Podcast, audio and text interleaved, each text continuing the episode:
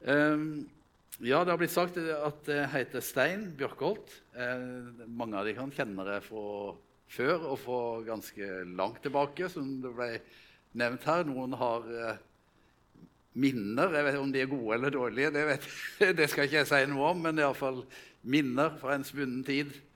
Eh, I min ungdom så var jeg her noen ganger, og så har jeg hatt gleden av å være her noen ganger nå i godt voksen alder. Og i kraft av det å være menighetsrådgiver i eh, Misjonskirka Norge. Og da eh, jeg får lov å eh, følge med på det som skjer på lista.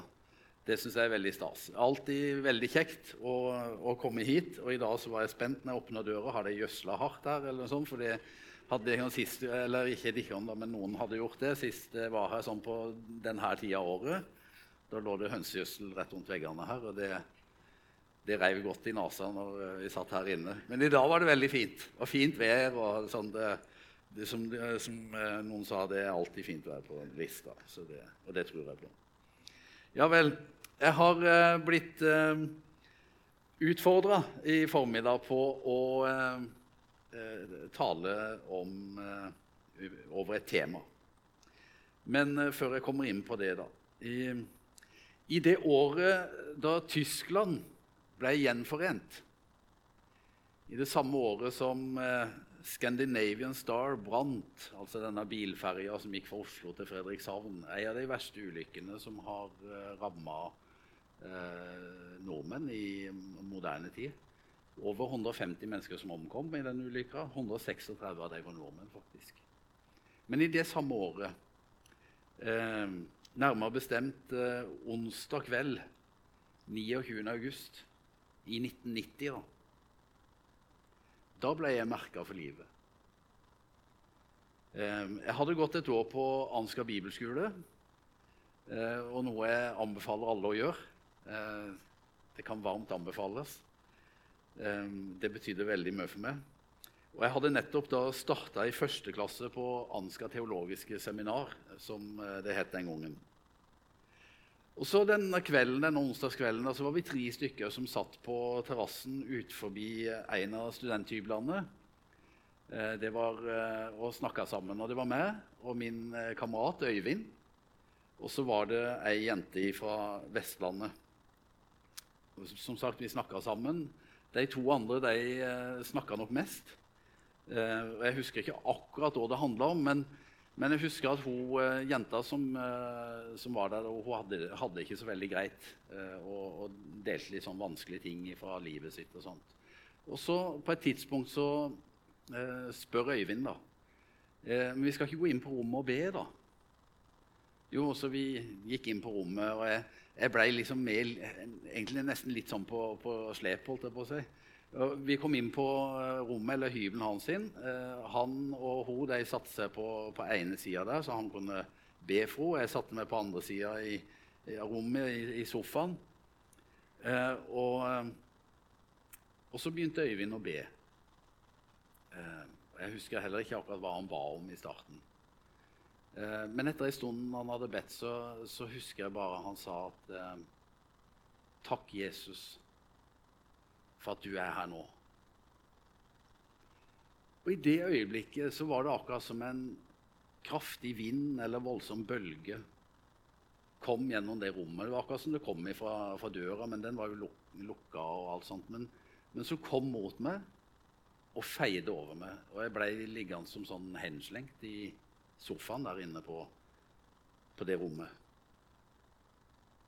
Og jeg begynte å takke Jesus. Og akkurat hvor lenge den hendelsen varte, det, det, vet jeg ikke heller helt sikkert. Det var, om det var en liten stund eller veldig lang stund. eller eh, sånt. Eh, det, det, kan kanskje Øyvind eh, fortelle, holdt jeg på å si, men han husker, nok, han husker dette her godt, han òg. Men, men følgen av det, det har vart i snart 33 år. Eller nærmere 12 000 dager. Og hva var det som skjedde liksom den kvelden? Ja, det som skjedde, var at jeg ble fylt med Den hellige ånd. Eller sånn som noen andre vil kalle det, kanskje døpt i Den hellige ånd. Det fins jo litt sånn ulike kristne dialekter. altså Folk bruker ulike ord på, på ting. og eh, Nå kunne jeg dratt oss inn i en eller annen sånn teologisk debatt om hva som er liksom det rette begrepet eller ordet å sette på det. Jeg tenker Det er ikke det viktige. Det viktige var at Gud møtte meg. Det skjedde noe i mitt liv. Det var en som grep inn i livet mitt, fylte meg med sin kjærlighet og med sin kraft. Det var en som fylte meg med glede, eh, som gjorde meg begeistra for Jesus. Som ga meg lyst til å lese i Bibelen. Som satte meg fri fra ting jeg hadde holdt på med. Og som bekrefta kallet som jeg gikk og kjente på som ung. Og fra den dagen så har jeg visst at jeg skulle bruke livet mitt til å tjene Jesus og hans kirke uavhengig av om du er ute på misjonsmarka eller som misjonær eller her hjemme som, som pastor. Og det er tema for denne talen. Hvem, hvem er denne? Den hellige ånd. Um, og det har jeg forstått at uh, Den hellige ånd skal være litt sånn tema framover. Det, det, er liksom starten på en uh, ny taleserie. Uh, og nå er det sånn at når jeg skal snakke i dag om hvem Den hellige ånd er, så det, jeg kan ikke dekke det fullt ut. Det, eller ingen har sjanse til det. det må bli jeg håper, et slags begrensa utvalg. noe av det som jeg opplever at kan være viktig å si om Den hellige ånd. Men ikke alt det jeg opplever er viktig å si om Den hellige ånd. For det skal noen nå få lov å komme inn på i søndagene som kommer. Kanskje hva, hva gjør Den hellige ånd? Hvordan kan den bli fylt av ånden? Åndens frukter og masse sånne ting som det. Men jeg skal forsøke å si litt om hvem er Den hellige ånd. Og Det første jeg vil eh, eh trekke fram da, og understreke, det er dette her at eh, Den hellige ånd er Gud. Nå kommer det opp noen bilder på veggen her. og eh, La meg bare understreke det. Altså, Gud han eh, lar seg jo ikke avbilde. Eller vi har et bilde av Gud. Det skriver Hebrevbrevet om. At Jesus han er Guds bilde. Han er, han er utstrålingen av Gud. Så de som så Jesus og møtte Jesus, de, de så Gud. Men altså, vi har ikke noe bilde. Jeg har ikke noe bilde jeg kan vise deg på Powerpoint eller uh, noen ting sånt av, av, Gud. Men det er likevel noen som har prøvd å framstille Gud og guddommen uh, på ulike måter. Eh, det bildet helt til, til, venstre her, det er jo Rublev sitt uh, kjente ikon.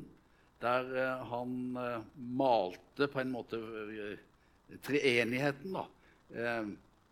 og det vil si malte og malte, for de mener vel egentlig at ikoner de, de skrives vel så mye som de males. Så, eh, og Derfor så skal du òg som de sier, leser vi fra venstre mot høyre. Altså Det er Faderen, og skal være Sønnen og Den hellige ånd som liksom er tegna opp der. da. Jeg skal ikke gå så veldig med meg inn på det. Men så har du denne trekanten her borte, og det, det er noe av det som som er et sentralt dogme eller en sentral læresetning i, i den kristne trua det er dette her at vi tror på treenigheten. En treenig Gud. Eh, og det må jeg si litt om når jeg skal eh, prøve å forklare litt om hvem Den hellige ånd er. For kort oppsummert så handler treenighetslæra om dette her, at som kristne så bekjenner vi at Gud er tre personer. Fader, Sønn, Hellig Ånd. Som hver for seg er fullkommen Gud. Og at det bare fins én Gud. Det er treenighetslæra. Gud er tre personer som hver for seg er fullkommen Gud, og det finnes bare én Gud. Eh, så har det vært eh, gjort mange Og det ser du her, nå står det på latin, da, men det er Faderen til venstre der og, og Sønnen oppe, Filius, ikke vel, og Spiritus Sanctus, som er Den hellige ånd. Non est, det betyr Faderen er ikke Sønnen, Sønnen er ikke Den hellige ånd. Men så ser du Pater est Deus. Faderen er Gud, og Sønnen er Gud. Eh, så det er tre ulike personer, men det er én Gud. og jeg har forsøkt å fremstille det sånn. Og så har det vært brukt opp gjennom mange såkalte analogier eller eh, sammenligninger sånn, for å prøve liksom, å forklare dette med treenigheten. Eh, som f.eks. Eh, noen som snakker om trekløveren. Som, det er en trekløver, men den har likevel tre blader. ikke vel? Eller, eller et tre da, som består av røtter og stammer og greiner. Det er ett tre, men den har røtter, stammer og greiner. Eller eh, de ulike formene for vann. ikke vel? Vi vet Vann kan forekomme som damp, og det kan være i, eh, som vann og som is. Eh, eller eh, noen som eh, til og med har sammenligna med en mann som på samme tid både er bonde ordfører i kommunen og pastor i lokalmenigheten. Altså Den første pastoren i Guds menighet hjemme på Vegårshei, der jeg kommer fra, han var det. Han var både bonde ordfører og forstander i menigheten. Eh, men det vi skjønner med alle de analogiene og sammenligningene, det er at de kommer jo til kort. Det er ingen av de som klarer å, fullkomment forklare treenigheten. Og de snubler på mange punkt. Fordi at, eh, sånn som med denne her mannen, så er ikke, Gud er ikke én person som har tre funksjoner. Gud er tre personer, eh, og samtidig én Gud. Eh, og så er det noe i dette her som er, som er et mysterium, da. Eh, som, er, som er, vanskelig å forstå. Vi kan, vi kan, ikke fullt ut forstå Gud. Ei heller enkelte sider ved Gud kan vi fullt ut forstå. Når, Bibelen, når vi, vi vet at Gud er kjærlighet, men å forstå fullt ut hva det betyr at Gud er kjærlighet, det, det makter vi ikke. Eller at Gud er, er, er nådig, eller han er rettferdig. Altså, alle de sidene ved Gud, Vi kan forstå noe av det, men, men, vi forstår det aldri fullt ut. Og Gud som i, i sin helhet da, kan vi langt fra forstå. Gud er ubegrensa, vi er begrensa og forstår alltid stykkevis. Vi tenker med vår lille hjerne. Gud har ingen hjerne. Han har skapt den vi har. Det har han. Men han er langt større, langt utover alt det vi kan tenke og forstå. Eh, dette er profetene inne på. ikke vel? Altså, hans veier er langt høyere enn våre. Hans tanker er langt høyere enn våre. Altså, vi, kan, vi, kan, ikke fatte alt det. Samtidig er det viktig å si det, at vi kan forstå noe om Gud gjennom det han har åpenbart for oss. Og Når det snakkes om treningslærer, så er det ikke slik at eh, Bibelen ber oss om å tro på en eller annen slags selv, selvmotsigelse. Eh, for det er det ikke. En selvmotsigelse det vil være å si at eh, det fins en Gud, og det fins ikke en Gud. Det er en selvmotsigelse. Eller å si noe sånt som at Gud er tre personer, og Gud er ikke tre personer. Det er en selvmotsigelse. Eller at Gud er tre personer, og Gud er én person. Det er jo en selvmotsigelse. Men å si at Gud er tre personer, og det fins én Gud, det er ikke en selvmotsigelse. Det er bare veldig vanskelig å forstå. Men det at noe er vanskelig å forstå, det betyr jo at det ikke fins. Altså, det fins jo f.eks. kvinner. Eller, eller, menn, da, vil noen tenke. det vet vi. Fullt ut forstå det er ikke så lett. Den viktigste grunnen til at vi holder fast ved treenighetslæra, det finner vi i Bibelens eget vitnesbyrd om Gud. Altså, Gud beskrives i Bibelen både som Fader, som Sønn og som Ånd, Den hellige ånd.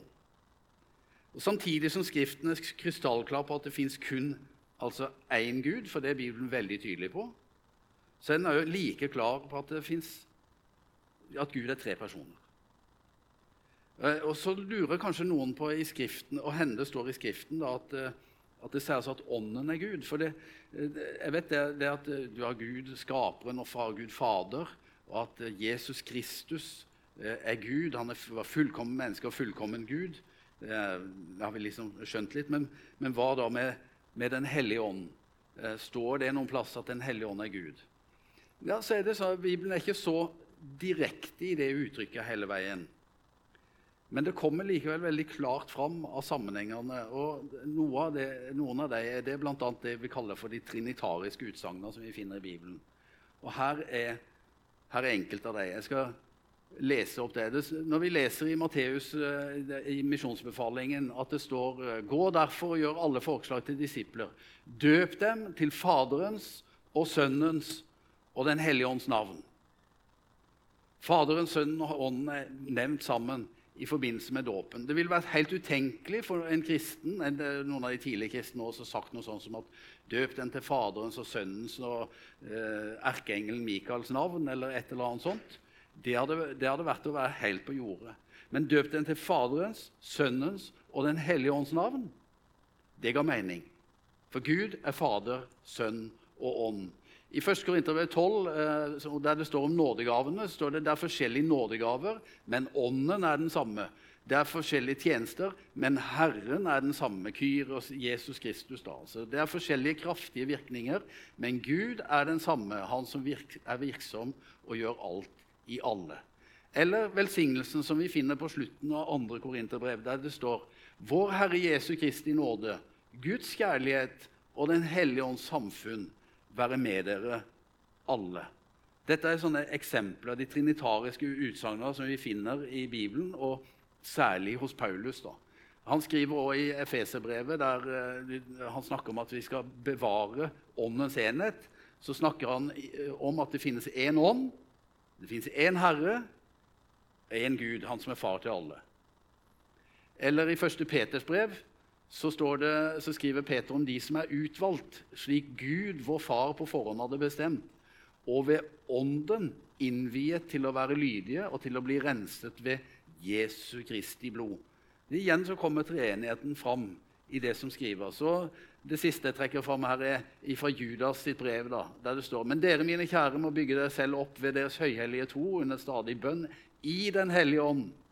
Bli værende i Guds kjærlighet mens dere venter på at vår Herre Jesu Kristi barmhjertighet skal føre dere til evig liv. Dette er eksempler på at Ånden er òg Gud. Et annet eksempel i forskriften det er jo når eh, de første kristne eh, de deler alt de eier seg imellom. Ikke bare solgte eiendommene sine og kom med pengene til apostlene. og, og sånt. Og Da leser vi om Ananias og Safira. egentlig en forferdelig historie. for Stakkar, de, de, faller jo døde om. Og hvorfor, og hvorfor, er det en sånn voldsom ting som rammer dem? Jo, for det som Peter utfordrer Ananias og sier på Ananias, hvorfor har du valgt å lyve for Den hellige ånd? Og I neste omgang så sier han du, du, har, du har, valgt å lyve for Gud. Eh, det var det samme. Den hellige ånd og Gud. Vi leser i Salme 139 i Gamle Testamentet om Ånden som er allestedsnærværende. Altså en egenskap som eh, er, er tilegnet Gud, eller det er en, det er en guddommelig egenskap. Å være overalt. altså Hvor kan jeg dra hen? Hvor kan jeg flykte bort fra, fra din ånd? Er det, drar jeg langt øst eller langt vest? eller Samme hvor jeg drar hen. Jeg kan ikke flykte fra din ånd. Du, du er alltid der. Og Det er Gud som er allestedsnærværende. Eller i 1. Korinterbrev kapittel 2, når Paulus snakker om dette her å utforske dybden i Gud. Hvem kan forstå Gud fullt, ut? Nei, no, Mennesker kan ikke det. Og vi har ikke forstått hva, og forstår ikke fullt ut hva han holder på med. Men Ånden utforsker dybden i Gud, sier Paulus. For Ånden er Gud. Og det siste jeg vil trekke fram, det er at når vi blir kristne, så snakker Johannes bl.a. om i sitt evangelie at da blir vi født av Ånden. Og Bibelen bruker det begrepene om hverandre. Å være født av Ånden og være født av Gud. Det er å være født på ny og få del i det evige livet. Da er vi født av Gud når vi er født av Ånden. Ok. Henger det jo med? Ja, det, kan være litt tungt stoff, dette her med treenigheten. Altså. Og så er det en ting jeg har lyst til å trekke fram som jeg syns er en sterk indikator på at treningslærer ikke bare stemmer, men nærmest er helt nødvendig. Og Det henger sammen med den sentrale kristne læresetningen om at Gud er kjærlighet. Det skriver Johannes om i sine brev. At Gud er kjærlighet. Og den fullkomne kjærligheten, det forstår vi, den er aldri kun innovervendt. Den er alltid vendt utover mot den andre. Og så snakker Bibelen om at eh, Gud er kjærlighet, og at han elsker med en evig kjærlighet. Det skriver Jeremia om, blant annet. Og Hvis Gud er kjærlighet og har elska med en fullkommen, evig kjærlighet, så har den kjærligheten ikke bare kun vært innovervendt, men den har også vært vendt utover, mot den andre. Og Det er slik det har vært i det guddommelige fellesskapet mellom Fader, Sønn og Ånd, som fullkomment elsker hverandre. Um, så det gir mening at Gud må være mer enn én en person, for Gud er kjærlighet. Den hellige ånd er Gud, men ikke den samme som Jesus eller Faderen. Ånden er forskjellig fra deg. Det er heller ikke slik at Gud i en periode åpenbarte seg som Faderen, som noen har påstått, i Det gamle testamentet, for så å åpenbare seg som Sønnen i Det nye testamentet, og nå endelig da som Ånden i, i kirkas tid. Det stemmer heller ikke. og Når vi leser Det nye testamentet, så ser vi at Paulus for eksempel, han møtte Jesus og hørte Jesus stemme. og Samtidig snakker han om at han, møtte, at han, ble møtt av Ånden, og Ånden talte til ham. Og vi, vi forstår ut ifra det han skriver, at det, det, er forskjellig. Det er ikke det samme. Det er ulikt. Så Ånden er Gud, men forskjellig fra Faderen og Sønnen. Og De ulike personene i guddommen har ulike det vi kaller, kan kalle primæroppgaver. Da. Vi ser det allerede i skapelsen, at det er Gud som på en måte setter det hele i gang ved at han taler. Han har en plan, han vil noe. Han taler. Og så skaper han alle ting ved Sønnen. Det skriver Paulus om i noen av sine brev. At alt er skapt ved ham og til ham og for ham. Og sånn, ikke vel? Og så leser vi om at Ånden svever over vannene og utfører eh, dette, er med å utføre dette her verket. Det samme når du kommer til Det nye testamentet og det er snakk om frelsen og frelsesverket så er det igjen sånn at Gud Fader han planla og initierte hele redningsaksjonen. Det var hans idé i utgangspunktet. ikke vel? Sønnen han er lydig mot sin far og fullfører frelsesverket for oss. Og eh, så er det sånn da, at Faderen han døde ikke for våre synder. Og Ånden døde heller ikke for våre synder. Men det var Sønnens helt spesielle gjerning. Men etter at Jesus da hadde dødd og stått opp, så for han opp til himmelen, og da ble Den hellige ånd sendt av Faderen og Sønnen for å gi oss del i frelsesverket. Og Det er her Den hellige ånd har sin helt spesielle rolle òg, i gjenfødelsen. I det å gjøre oss til Guds barn på grunnlag av det Jesus Kristus har tilveiebrakt for oss på korset.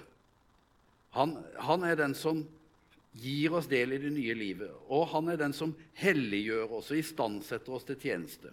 Så Generelt sett så kan vi si at Den hellige ånd fullfører i oss og gjennom oss det verket som Faderen planla, og som Sønnen fullførte for oss. Ja. Her er en eh, kar, en teolog, en som heter Wayne Grudem.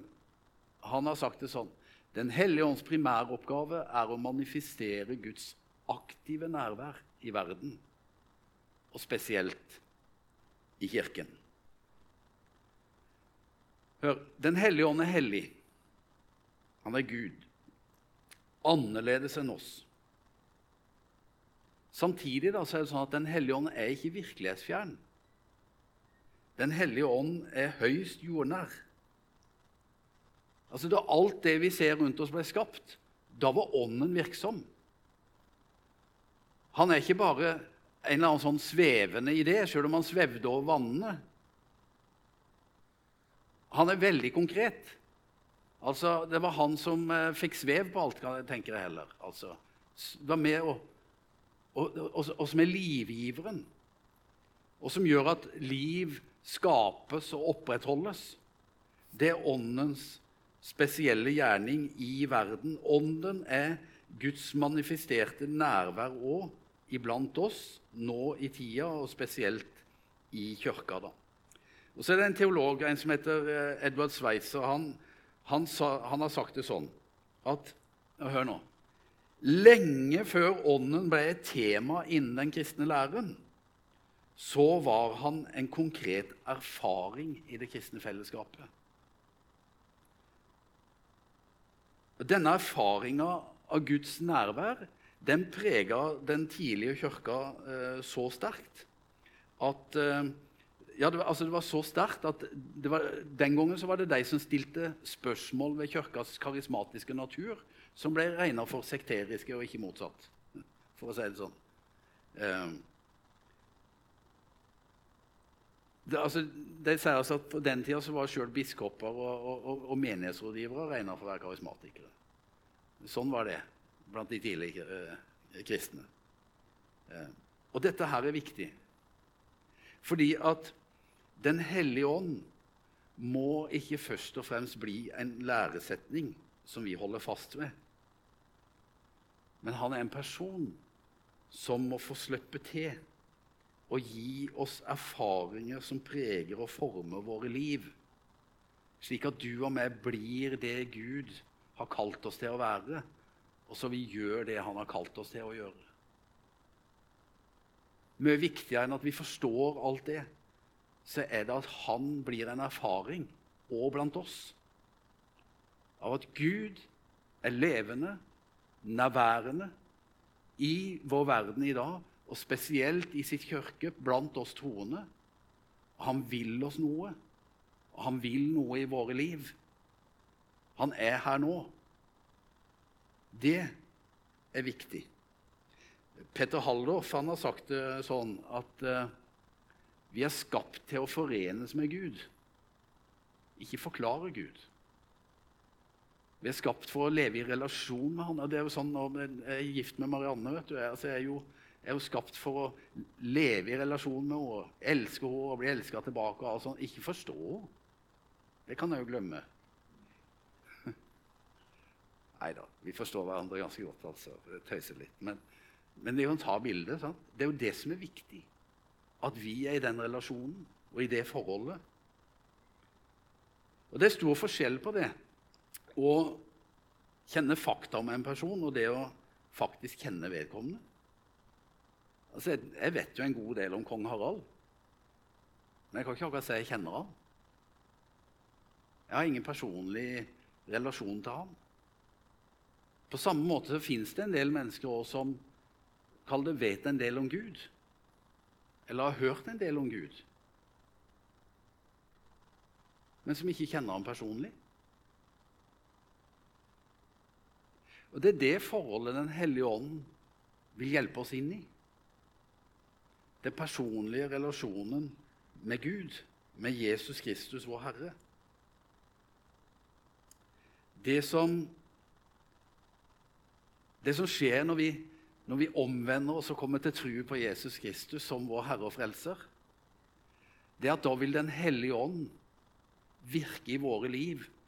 Dette her som Jesus egentlig demonstrerte på korset. Du vet, Når Jesus, på, når Jesus hang på korset, så viste det for oss hvor stor Guds kjærlighet er til oss.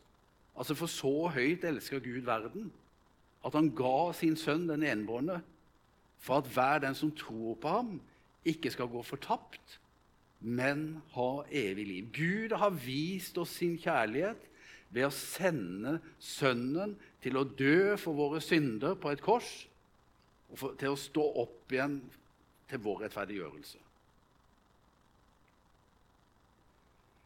Den kjærligheten som Gud har vist, det er den Den hellige ånd øser ut i hjertet vårt når vi kommer til tro. Det snakker Paulus om i Romerbrevet kapittel 5 og vers 5. For Guds kjærlighet er utøst i, vårt, i våre hjerter ved Den hellige ånd, som Han har gitt oss. Så denne enorme kjærligheten som Gud demonstrerer gjennom frelsesverket og gjennom sin sønn Jesus Kristus, den kjærligheten kan vi få smake, kan vi få kjenne, kan vi få erfare i våre egne liv ved at Den hellige ånd øser den ut i våre hjerter. Det er hans primæroppgave. I eh, middelalderen så var det en eh, munk, en eh, sistersiensermunk, som het Bernard A. Clairvaux. Eh, han eh, snakka om ånden som kysser oss. Altså, og han, Bernard han ble regna for å være en såkalt eh, erfaringsteolog. Det som han var opptatt av, var Han hadde for vane å, å be de troende om å bli seg bevisst sine erfaringer. For på den måten å teste det han eh, da formidla rundt det åndelige livet. Det var nært kobla til erfaringen. Og om vårt forhold til Gud så sa han her Bernhard at eh, når, nå, når bruden søker sin elskede, stoler hun ikke på sine ytre sanser, men ber om et kyss. Åndens rolle er å være det bekreftende kysset. Det snakker Bernhard om. Jeg tror det var dette jeg opplevde den onsdagskvelden i 1990. En bekreftelse på Guds nærvær i mitt liv. At han elsker meg. At han vil være med meg. Og at han hadde kalt meg. Jeg tror det var det jeg erfarte igjen fem år seinere, under en praksisperiode her ute på Lista. Det var under den såkalte Toronto-tida. Den eh, brakte med seg mye rart. Eh, det var jo et komplett kaos. Eh, og det var positive ting, og det var mye rart som ikke var bra òg, eh, tenker jeg. Eh, virkelig. Eh, og jeg forstår, jeg forstår, veldig godt det. At når vi snakker om Den hellige ånd, og vi sier vi skal ha et tema om Den hellige ånd og møte med fokus på Den hellige ånd, sånt, så er det noen som blir fryktelig skeptiske. Det forstår jeg veldig godt. Og det kan det være mange gode grunner til. Fordi at det har skjedd så mye rart i så mange eh, møter. Så, såkalte helligåndsmøter og sånt òg. Eh, men rare og merkelige ting som ikke var åndens verk. Og som heller var med å ødelegge. Så jeg forstår den skepsisen.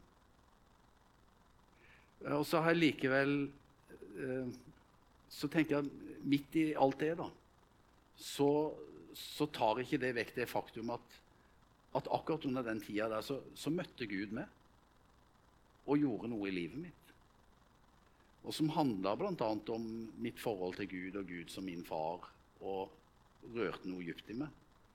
Eh, og det var såpass konkret at, eh, at eh, jeg opplevde det som en sånn brann som begynte å brenne i brystet mitt. Eh, og som jeg kjente på i dagevis mens jeg var her. Og jeg husker at det, det, kjente, det, det fortsatte bare i ukene etter at jeg kom hjem i, i, fra praksisen og, og i tida framover.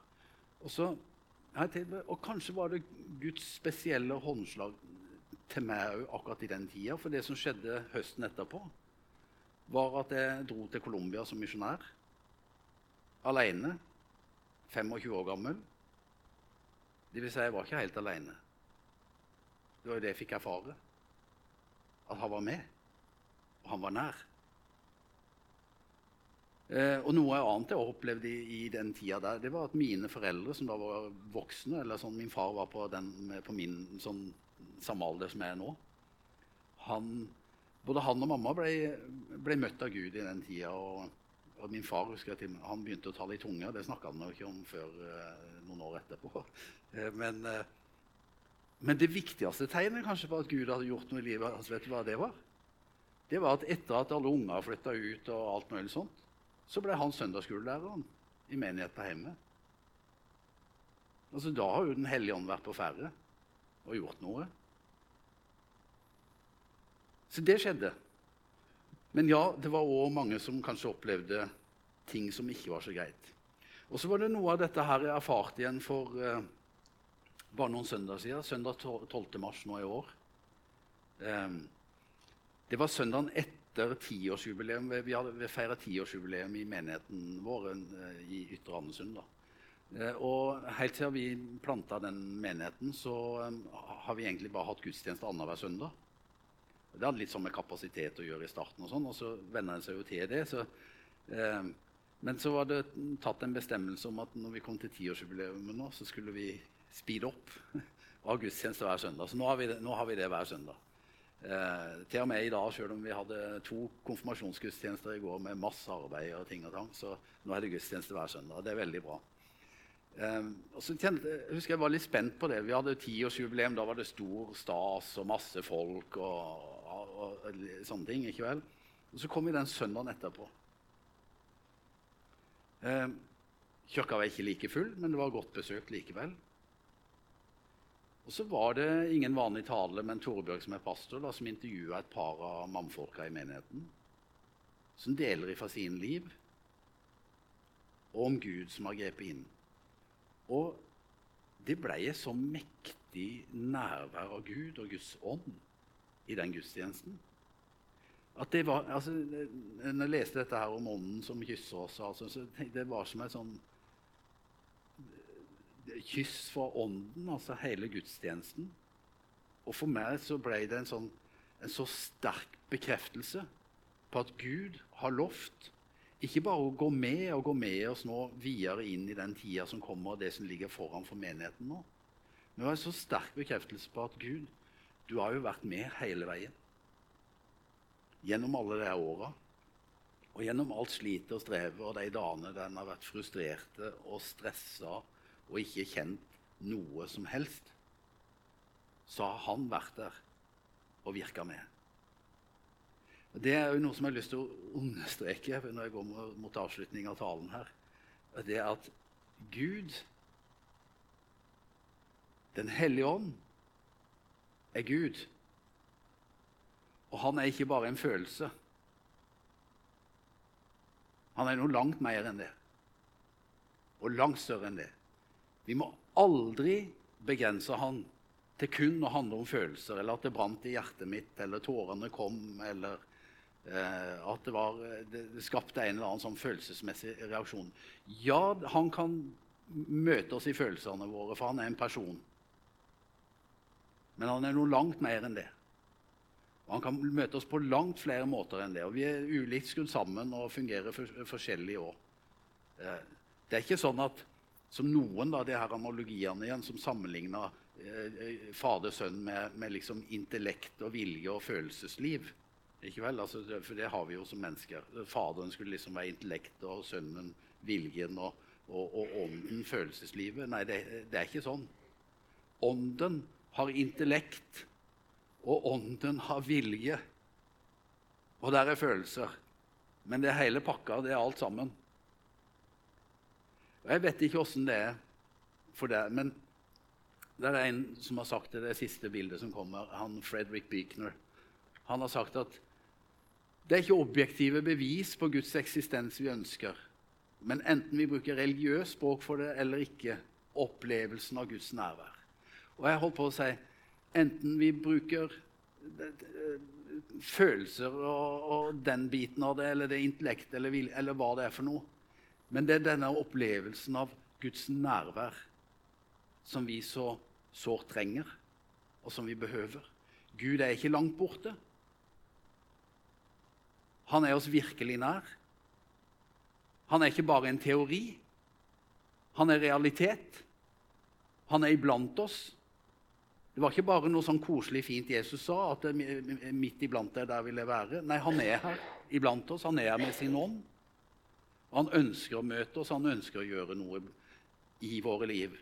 Jeg vet ikke når sist var du ble berørt av Ånden, om det var en dag du leste i Bibelen, eller du var i bønn, eller du var ute på tur, eller du kanskje holdt på med en eller annen arbeidsoppgave. Kanskje du var ute på et jorde, sånn Hals Nilsen Hauge var den gangen han ble møtt så kraftig av Gud. Eller om det var på et møte, under en preken eller i en forbønnshandling. Eller, eller hva det var. Jeg vet ikke når det var.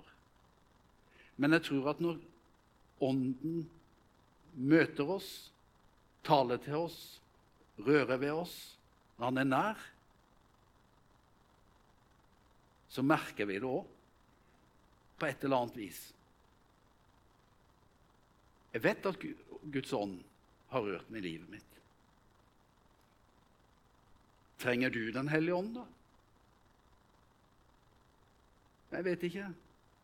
Jeg tror egentlig det. Har du behov for mer visdom? Kan du kjenne deg mismodig og nedfor og trenger kraft og oppmuntring?